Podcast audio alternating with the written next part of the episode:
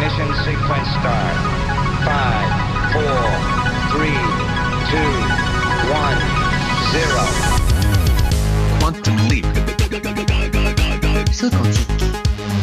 Salto quântico, salto quântico, salto. Kvantimsprung. Salto quantico. Salto quantico. Salto quantico.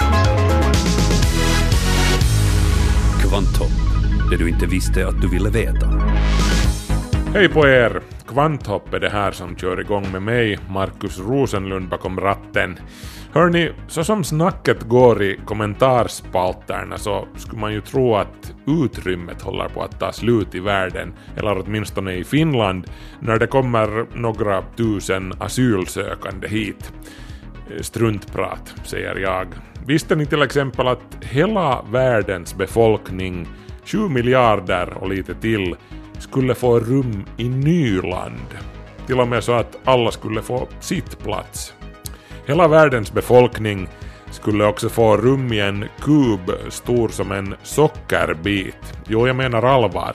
Om man pressade ut allt tomrum ur alla atomer i våra kroppar. Lite som inne i en neutronkärna. Men den här sockerbiten skulle ändå väga lika mycket som 7 miljarder människor, så fäll den inte på tårna, om vi säger så.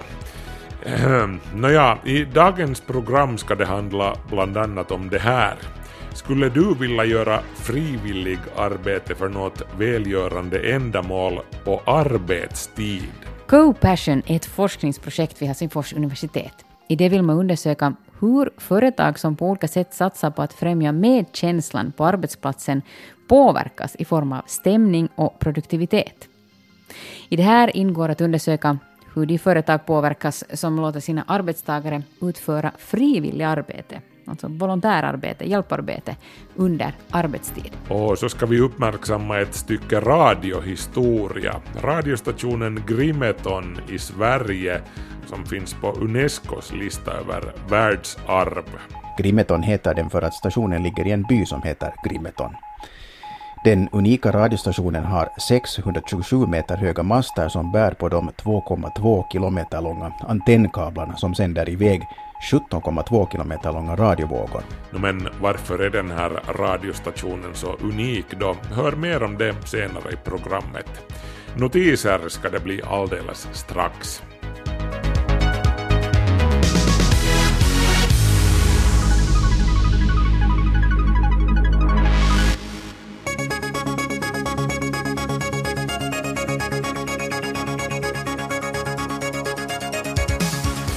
Rymdsonden New Horizons som tidigare i somras gjorde sensation genom att passera dvärgplaneten Pluto och skicka hem unika bilder och data har nu fått ett nytt uppdrag.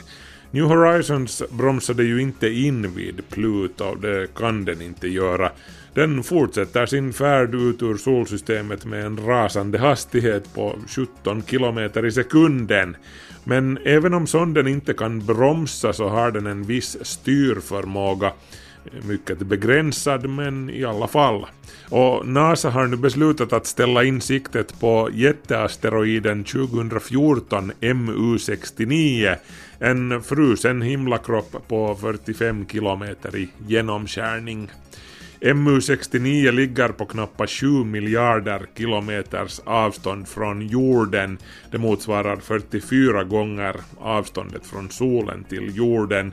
Och den är ett så kallat Kuiper Belt Object, KBO, en väldig svärm med asteroider bestående av is och sten, eh, material som blev över när solsystemet kom till för ungefär 4,6 miljarder år sedan.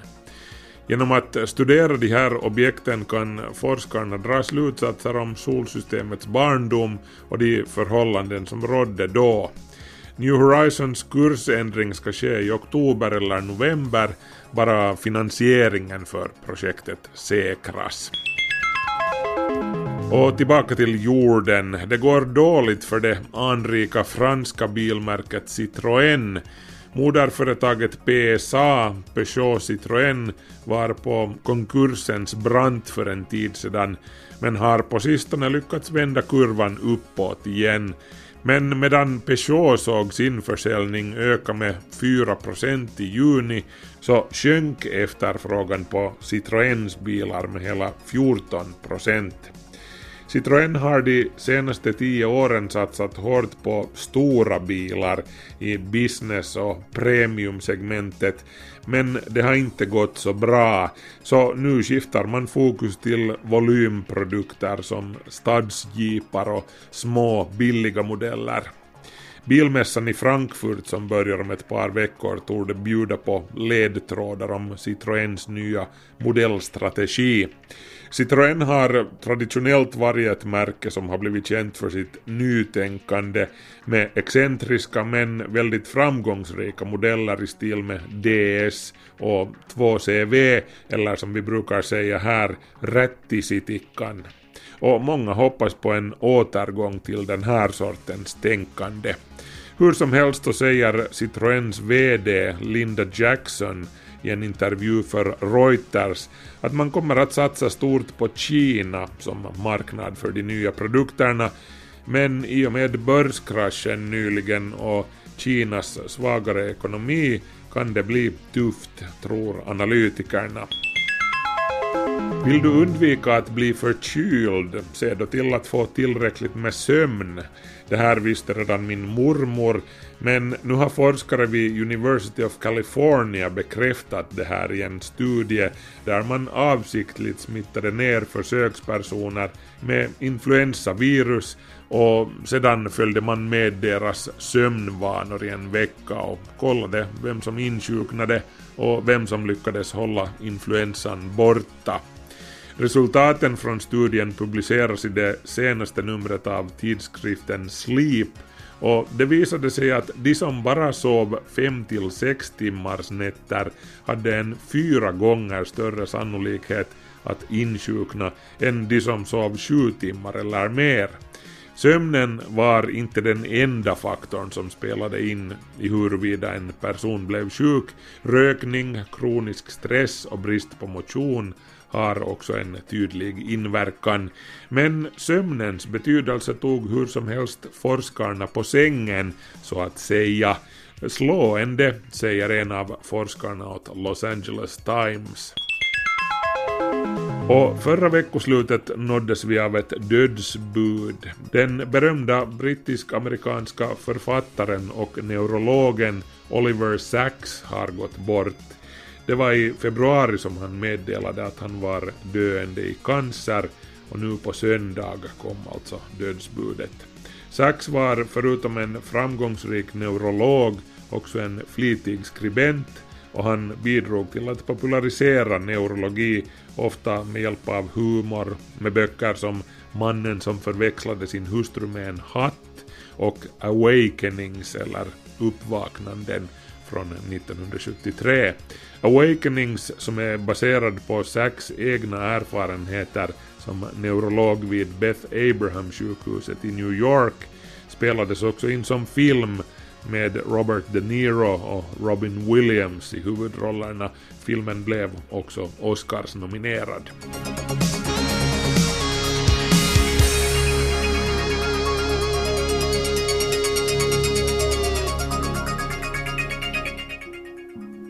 Jag har funderat en hel del på det här med flyktingskap på sistone av förekommen anledning.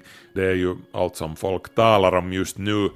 Och vad jag anser att den nuvarande flyktingdebatten saknar, förutom mänsklig värme, är perspektiv. Vi människor är nämligen ett släkte av vandrare och flyktingar. Mänsklighetens historia är flyktingarnas historia, på gott och ont. Vi skulle aldrig ha överlevt som art utan vår rörlighet, vår beredskap att dra dit som omständigheterna leder oss, utan vår instinkt att fly från faror som hotar oss. Vi tror att vi är bofasta numera, att vi har hemländer, men det är bara en tunn fernissa ovanpå förhistoriens outgrundliga djupa lager av tid, vandring, tårar, förlust, avsked och skavsår. Temat går igen i våra allra tidigaste dokumenterade minnen och sagor. Självaste bibeln börjar med en berättelse om ett par speciella flyktingar, Adam och Eva, flykten från Eden, från paradiset. Eh, men hej, om man nu frågar mig så är hela den här berättelsen hur som helst en berättelse, inte ett historiskt dokument, även om det kan tolkas som ett slags eko av ett eko av ett minne som berättades vid de första européernas lägereldar. Den arga hämnande guden lades i något skede till i storyn för vi stod inte ut med tanken på att vi var så dumma att vi självmant lämnade paradiset, nämligen vårt gemensamma urhem Afrika.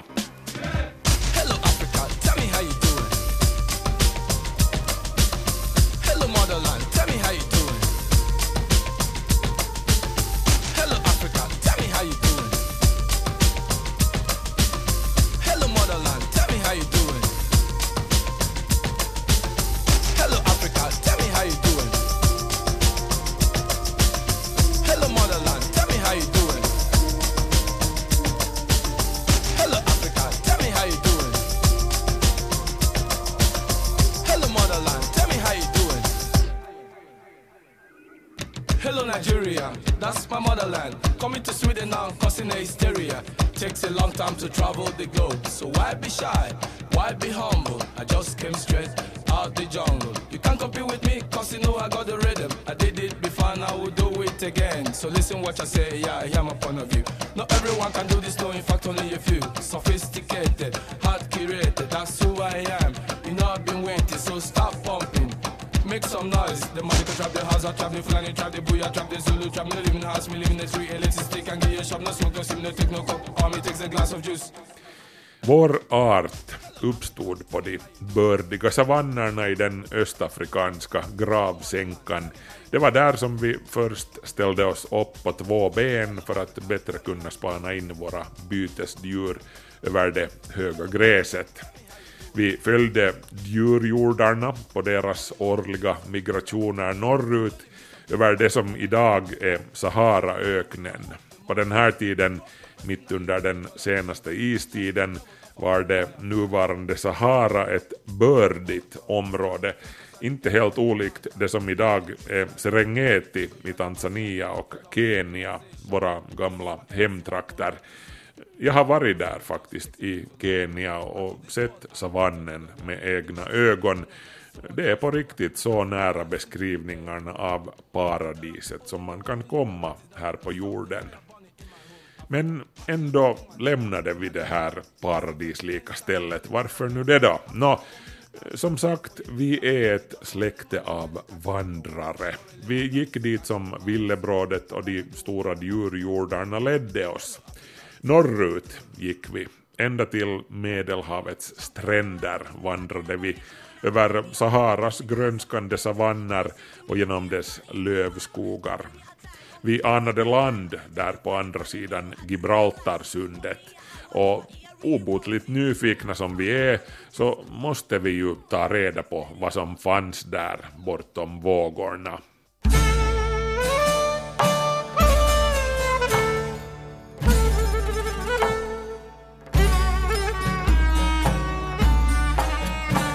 Och för omkring 40 000 år sedan koloniserade vi Europa, det som amerikanerna kallar gamla världen. För oss då var det nya världen. Precis som då conquistadorerna kom till Amerika så fanns det redan folk här i Europa när vi anlände. Neandertalmänniskan eh, det måste ha förekommit intima kontakter mellan de två folkslagen för vi bär fortfarande på delar av neandertalfolkets gener inom oss.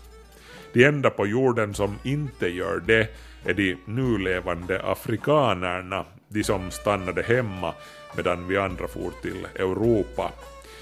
Nå, hur som helst när vi väl hade slagit oss ner i Europa så hände det någonting med klimatet. Det blev kallare och torrare.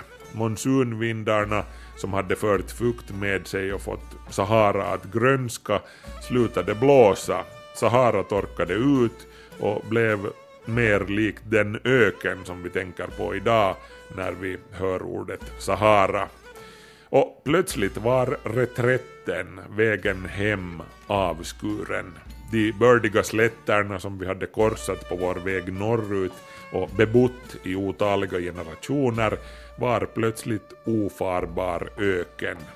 Vi var strandsatta i vår nya värld, Europa, eller vad våra förfäder än kallade den, och också på den här sidan av Medelhavet blev det kallare och mer ogästvänligt när klimatet skiftade.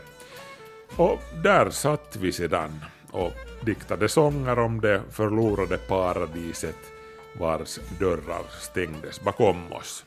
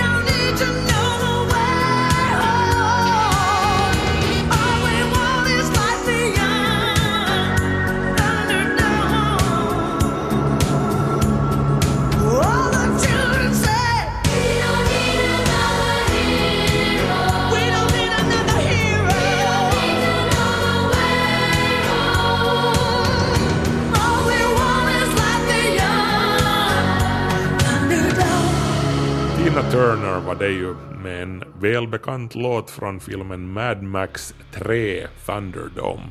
Kvanthopp snabela yle.fi. Har du någonsin tänkt på att du kunde utföra frivilligt hjälparbete på din vanliga arbetstid? Va? Nå, ja, det här är ett fenomen som lär växa runt om i Europa och USA. Att man under arbetstid och i överenskommelse med arbetsgivaren utför någon form av hjälparbete. Vid Helsingfors universitet pågår för tillfället ett forskningsprojekt kring det här. Inom ramen för Thinkfest, vetenskapsfestivalen som denna vecka arrangeras av Helsingfors universitet, arrangerades en diskussion kring temat och Ulrika Fagerström var med. Ihminen, joka ei ehkä tule niin kuin ekana myötätunnosta mieleen, Charles Darwin on, on sanonut, että myötätunto on ihmisyhteisöjen ja evoluution suurin kantava voima. Ihmisyhteisö on kehittynyt tällaisiksi evo, äh, evoluutiossa myötätunnon takia ja myötätuntoa varten. Myös kaikki meidän sosiaaliset suhteet perustuu parhaimmillaan silloin, kun ne on meille merkityksellisimpiä. Ne perustuu myötätunnolle, antamiselle, saamiselle. Empati, medkänsla, sympati. Den här känslan har varit avgörande för hela vår fortlevnad. Charles Darwin lär i tiden ha hävdat just det, att grupper där medkänslan blomstrar är de som kommer att överleva, eftersom medlemmarna där tar hand om varandra och sin avkomma. Empati är med andra ord helt avgörande för vår evolution.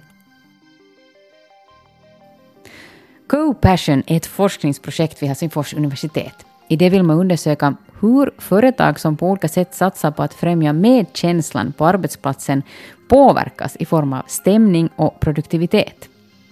I det här ingår att undersöka hur de företag påverkas som låter sina arbetstagare utföra frivilligt arbete, alltså volontärarbete, hjälparbete, under arbetstid. Det här är ett fenomen som lär bli vanligare runt om i Europa, speciellt i Storbritannien, samt också i USA, medan det då här i Finland är mycket marginellt, för att inte säga okänt. Se, että se ei Suomessa tuttua, johtuu varmaan siitä, että me suomalaiset yritykset aika vähän sitä vielä tekee. Ja toisiskin siitä, että siitä ei ole lainkaan julkaistu suomalaista tutkimusta. Kansainvälistä tutkimusta siitä on paljon, mutta Suomessa tässä GoPassion-hankkeessa me ensimmäistä kertaa siis Suomessa tutkitaan, mitä yritysvapaaehtoisuus on suomalaisessa kontekstissa. Forskningsprojektet som nu har kört igång är det första i Finland, men utomlands har man forskat i de här frågorna, förklarar Anna Seppänen vid Helsingfors universitet. Företagsfrivillighet, på engelska corporate volunteering eller på finska yritysvapaaehtoisuus, kan i praktiken innebära en massa olika saker. Yritysvapaaehtoisuus voi olla joko työnantajan mahdollistamaa työajalla tapahtuvaa vapaaehtoistoimintaa, jotakin yleishyödyllistä päämäärää edistääkseen. Tai sitten se voi olla myös jotenkin työnantajan tukemaa, että, että työnantaja vaikka kompensoi jollain tavalla työajalla siitä, jos, jos tekee jonkun verran vapaaehtoistyötä. Siitä on aika monta muotoa ja monta käytäntöä. Ää, yritysvapaaehtoisuushankkeita paljon kansainvälisillä yrityksillä on, jotka liittyvät erityisesti kehitysyhteistyöhön. Paljon isot konsulttitalot esimerkiksi lähettää, lähettää konsultteja tonne, tonne kolmanteen maailmaan ja, ja niin kuin sinne auttamaan ja konsultoimaan. Forskningsprojektet koncentrerar sig på frivilligarbete som går ut på att hjälpa människor.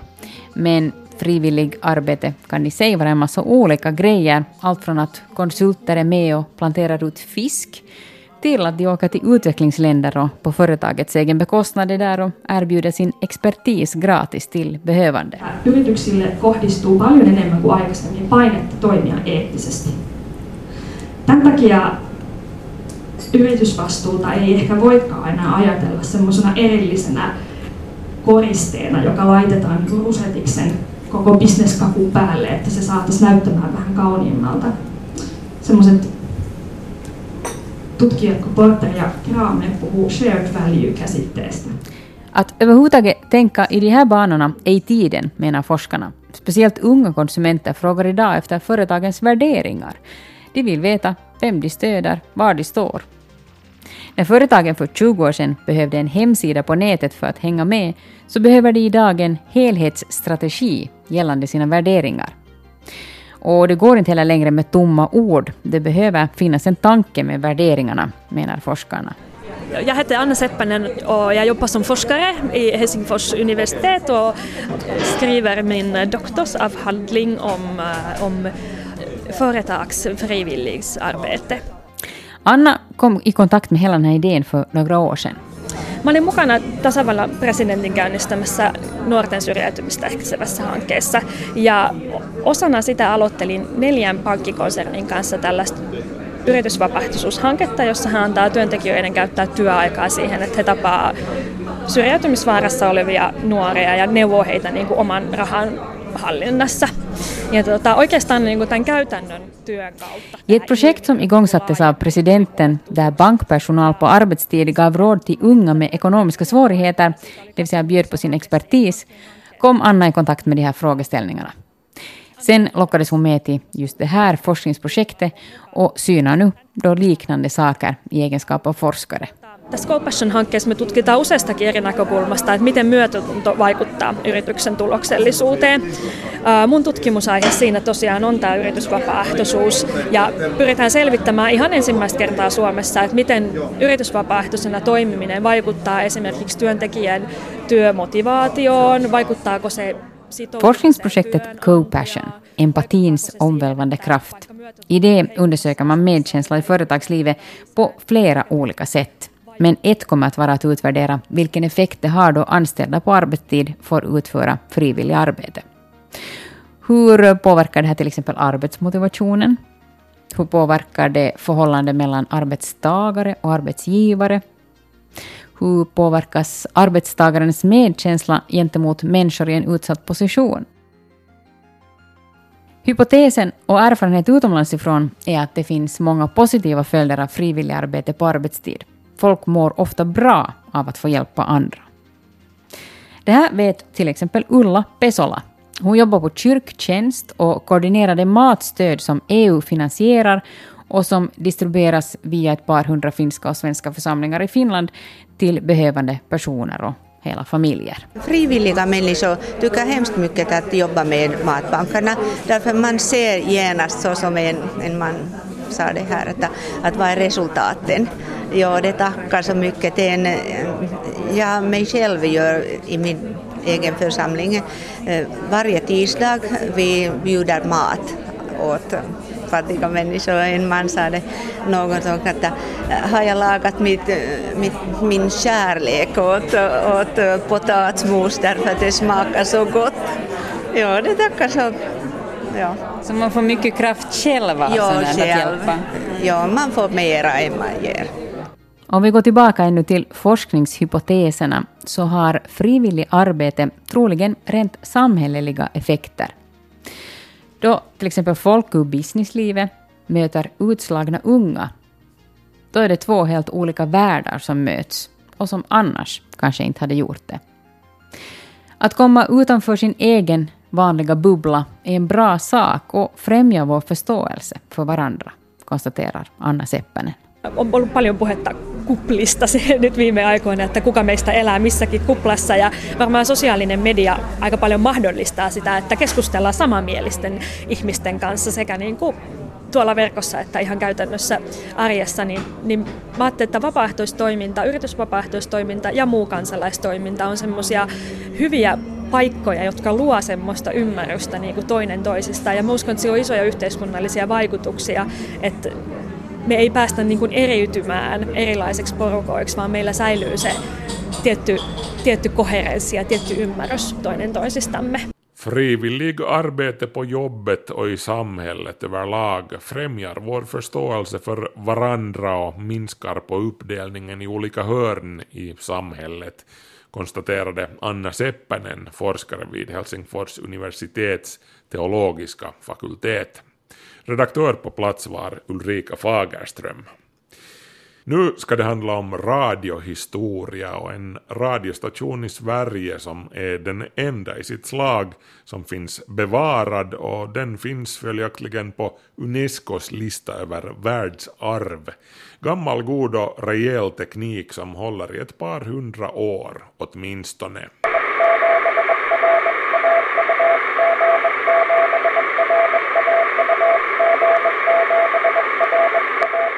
År 1894 konstruerade Marconi sina första apparater som kunde sända radiovågor för att kommunicera. 1901 lyckades samma Marconi sända trådlöst telegrafimeddelande över Atlanten och trådlös kommunikation blev allt viktigare när världen skulle byggas upp efter första världskriget. På den tiden var det rätt svårt att få radiovågorna att gå fram när avstånden var långa, som över Atlanten, och då var det en svensk civilingenjör som satte Sverige på radiovärldens världskarta. Ernst Alexandersson emigrerade till USA 1901 och fick jobb på General Electric. Han blev snabbt en av de ledande forskningsingenjörerna på bolaget då han konstruerade en växelströmsgenerator som också kallas för Alexandersson-alternatorn. Och hans maskin var på 1920-talet grunden för stora långvågsstationer som sände trådlös telegrafi över hela världen. Så det blev Alexanderssons växelströmsgenerator som den svenska staten valde år 1921 för att Sverige skulle kunna kommunicera trådlöst över Atlanten till Long Island i New York.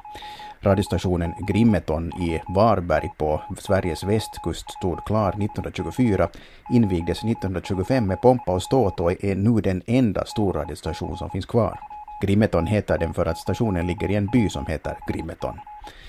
Den unika radiostationen har 627 meter höga master som bär på de 2,2 kilometer långa antennkablarna som sänder iväg 17,2 kilometer långa radiovågor.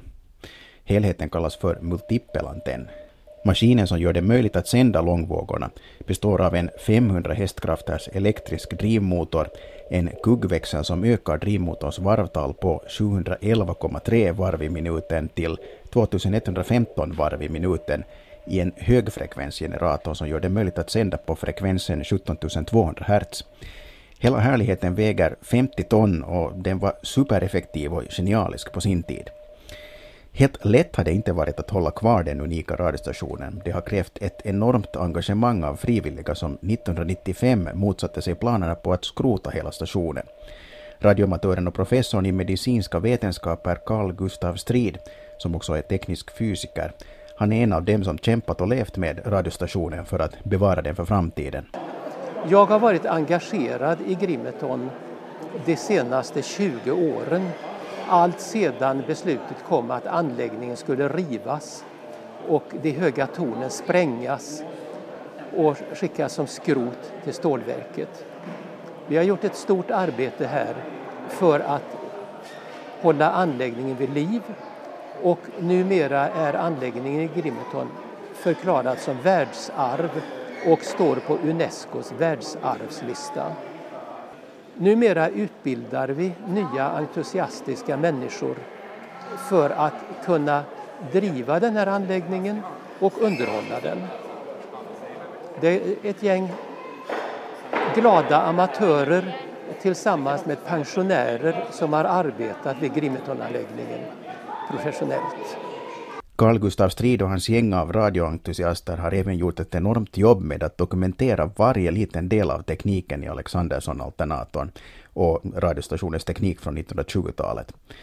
Utan frivilliga krafter är det ingen självklarhet att ens stora unika maskiner skulle bevaras för kommande generationer att beundra. I själva verket är det så att det har funnits 26 eller 28 sådana här maskiner. Det fanns en gång två likadana maskiner i denna hallen varav den ena kasserades 1969. Det finns så vitt vi har kunnat utröna inga delar bevarade av den. Och de övriga maskinerna har totalt försvunnit. Det finns en sådan här generator bevarad i Smithsonian Institution i Washington. Men den är frikopplad ifrån alla sina hjälputrustningar och reglerutrustningar och är alltså ett dött museiföremål som icke går att använda. Under det att den här anläggningen den är ett levande världsarv. Vi har igång den flera gånger varje år. Framförallt på Alexanderssondagen varje år runt 1 juli men därtill vid högtidliga tillfällen. Och under sommarhalvåret så är anläggningen dessutom regelbundet igång någon kväll i veckan även om den då inte är utkopplad på antennen. Dels så mår ju en gammal anläggning inte bra av att stå oanvänd under långa perioder. Dels är vi intresserade av att så många som möjligt ska ha tillfälle att ta del utav den här anläggningen. Att kunna få se den i aktion. Höra hur den bullrar och fräser och spottar och känna doften utav olja och elektriska gnistor.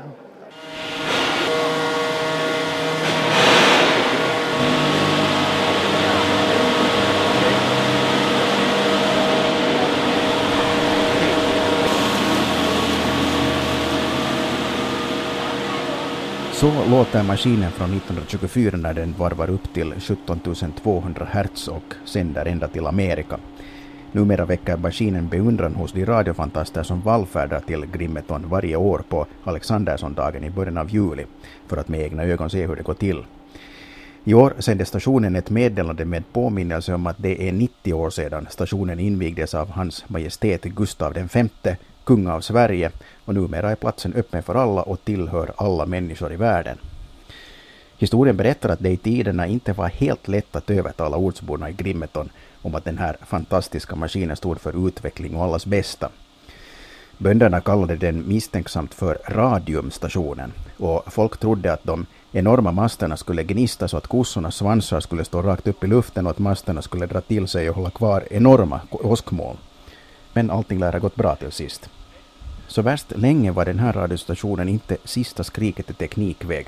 Utvecklingen tog fart och körde om stationen rätt så snabbt, även om det fanns egenskaper som gör att anläggningen är användbar även idag.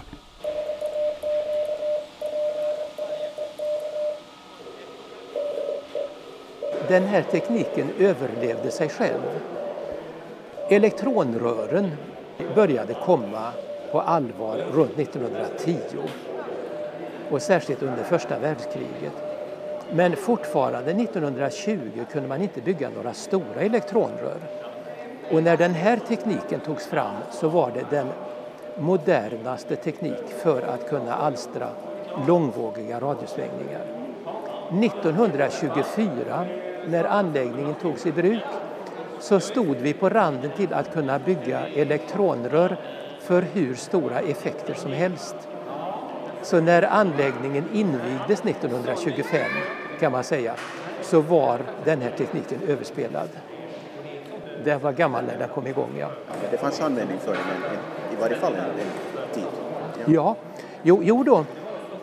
Den här anläggningen har använts långt in i våra dagar för att kommunicera till militärens ubåtar, under, undervattensbåtar och eh, i all synnerhet antennanläggningen Alexanderssons multipelavstämda antenn används i princip dagligen för kommunikation till undervattensbåtar men då med en annan sändare som, stå, som, som står i ett annat stationshus inne på området. Det finns alltså tidlösa inslag i den och antennanläggningen Alexanderssons multipelavstämda antenn är en förutsättning än idag för att man ska kunna göra rationell kommunikation till undervattensbåtar.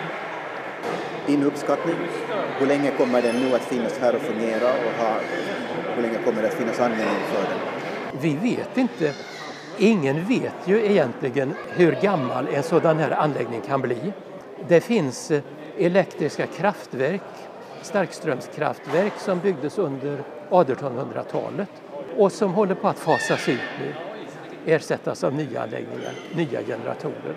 Men så länge materialen håller, och en sån här anläggning är ju ganska konservativt beräknad, så jag skulle inte hålla för otroligt att den kan fortsätta att upprätthålla sin elektriska funktion ytterligare hundra år eller mer. Man byggde rejäla doningar. Man byggde konservativt med stora säkerhetsfaktorer. Det skulle inte vara slankt och strömlinjeformat på den tiden. Bosse Ahlgren var det som var reporter i det inslaget. Och hörni, 103 grundämnen har vi redan hunnit gå igenom i den här serien vars följande inslag väntar på sin tur här i Kvanthopp. Sedan när den serien är slut, något tag närmare jul, så ska jag lägga upp alla delarna på arenan så att ni kan ta del av dem som ni har missat. Och sen skulle det ju vara dags att hitta på ett ämne för en ny långkörare. Är det någonting som ni skulle vilja höra en serie om? Skriv gärna önskemål och förslag till kvanthoppsnabelayle.fi. Men nu universums innehållsförteckning. Kvanthopp presenterar en serie i 117 delar. Det som allt bygger på, eller våra grundämnen från BT till Unuoctium.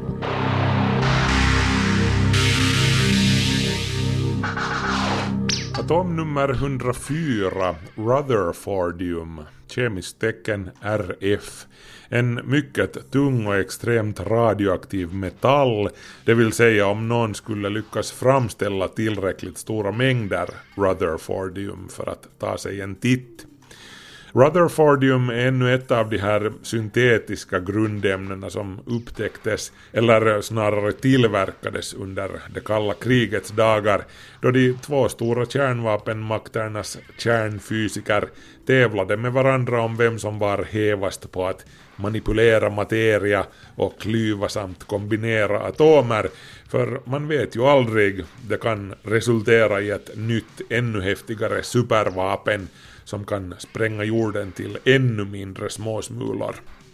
Och titt som tätt var det någon som i processen skapade ett nytt grundämne. Veckan därpå var det någon i det andra lägret som skapade samma grundämne och sedan slogs man om vem som skulle få rätt att ge namn åt det. Rutherfordium framställdes första gången vid kärnforskningsinstitutet JINR i Dubna i Sovjetunionen. Året var 1964. Ryssarna tyckte följaktligen att det nya grundämnet ska heta Kurchatovium efter fysikern Igor Kurchatov. Men amerikanerna tyckte ju inte alls att det här var en god idé, speciellt med tanke på att Igor Kurchatov hade varit med om att utveckla den första sovjetiska atombomben.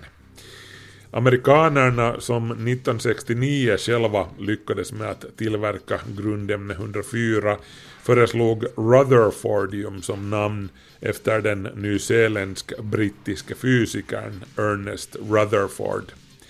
Rutherford har kallats atomfysikens fader. Encyclopedia Britannica kallar honom den mest briljanta experimentella fysikern sedan Michael Faradays dagar. Det var Rutherford som introducerade begreppet halveringstid. Det var han som upptäckte att grundämnen transmuteras, det vill säga förvandlas till andra ämnen när de sönderfaller radioaktivt.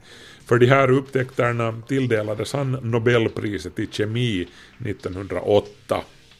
Sitt mest inflytelserika arbete utförde Rutherford hur som helst efter att han fick Nobelpriset.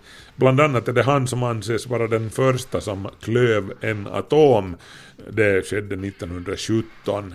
Rutherford introducerade också modellen av en atom som ett mini-solsystem med den huvudsakliga massan koncentrerad till kärnan och elektronerna som kretsade runt den som små planeter. Eh, solsystemsliknelsen motsvarar hur som helst inte riktigt verkligheten som vi vet numera. Men hur som helst så var Rutherford säkert värd att få ett grundämne uppkallat efter sig. Fast det dröjde ända till 1997 innan IUPAC, den internationella organisationen som bestämmer om de här sakerna, slog fast att grundämne 104 heter Rutherfordium.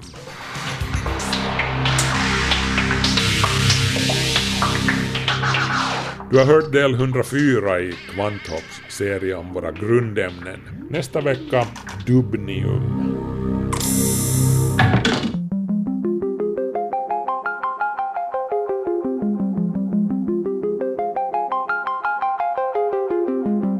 Kvanthopp, det du inte visste att du ville veta. Kvanthopp börjar gå mot sitt slut för den här veckan, men vi kan ju ännu notera att Wikipedia meddelar att de har blockerat 381 konton för att personerna bakom kontona hade fått pengar från olika företag i utbyte mot att de skrev i positiva ordalag om någon grej, produkt eller någonting. Smygreklam på Wikipedia liksom. Sock puppets kallas såna här konton. Handdockor som skryter med en produkt mot betalning. 210 artiklar raderades i samband med den här razzian. Heja Wikipedia säger jag, helt rätt om man frågar mig. Alla vinner på det här. Men nu är Kvanthopp slut för den här gången. Markus Rosenlund heter jag som tackar för mig och önskar er välkomna åter om en vecka. Hej så länge!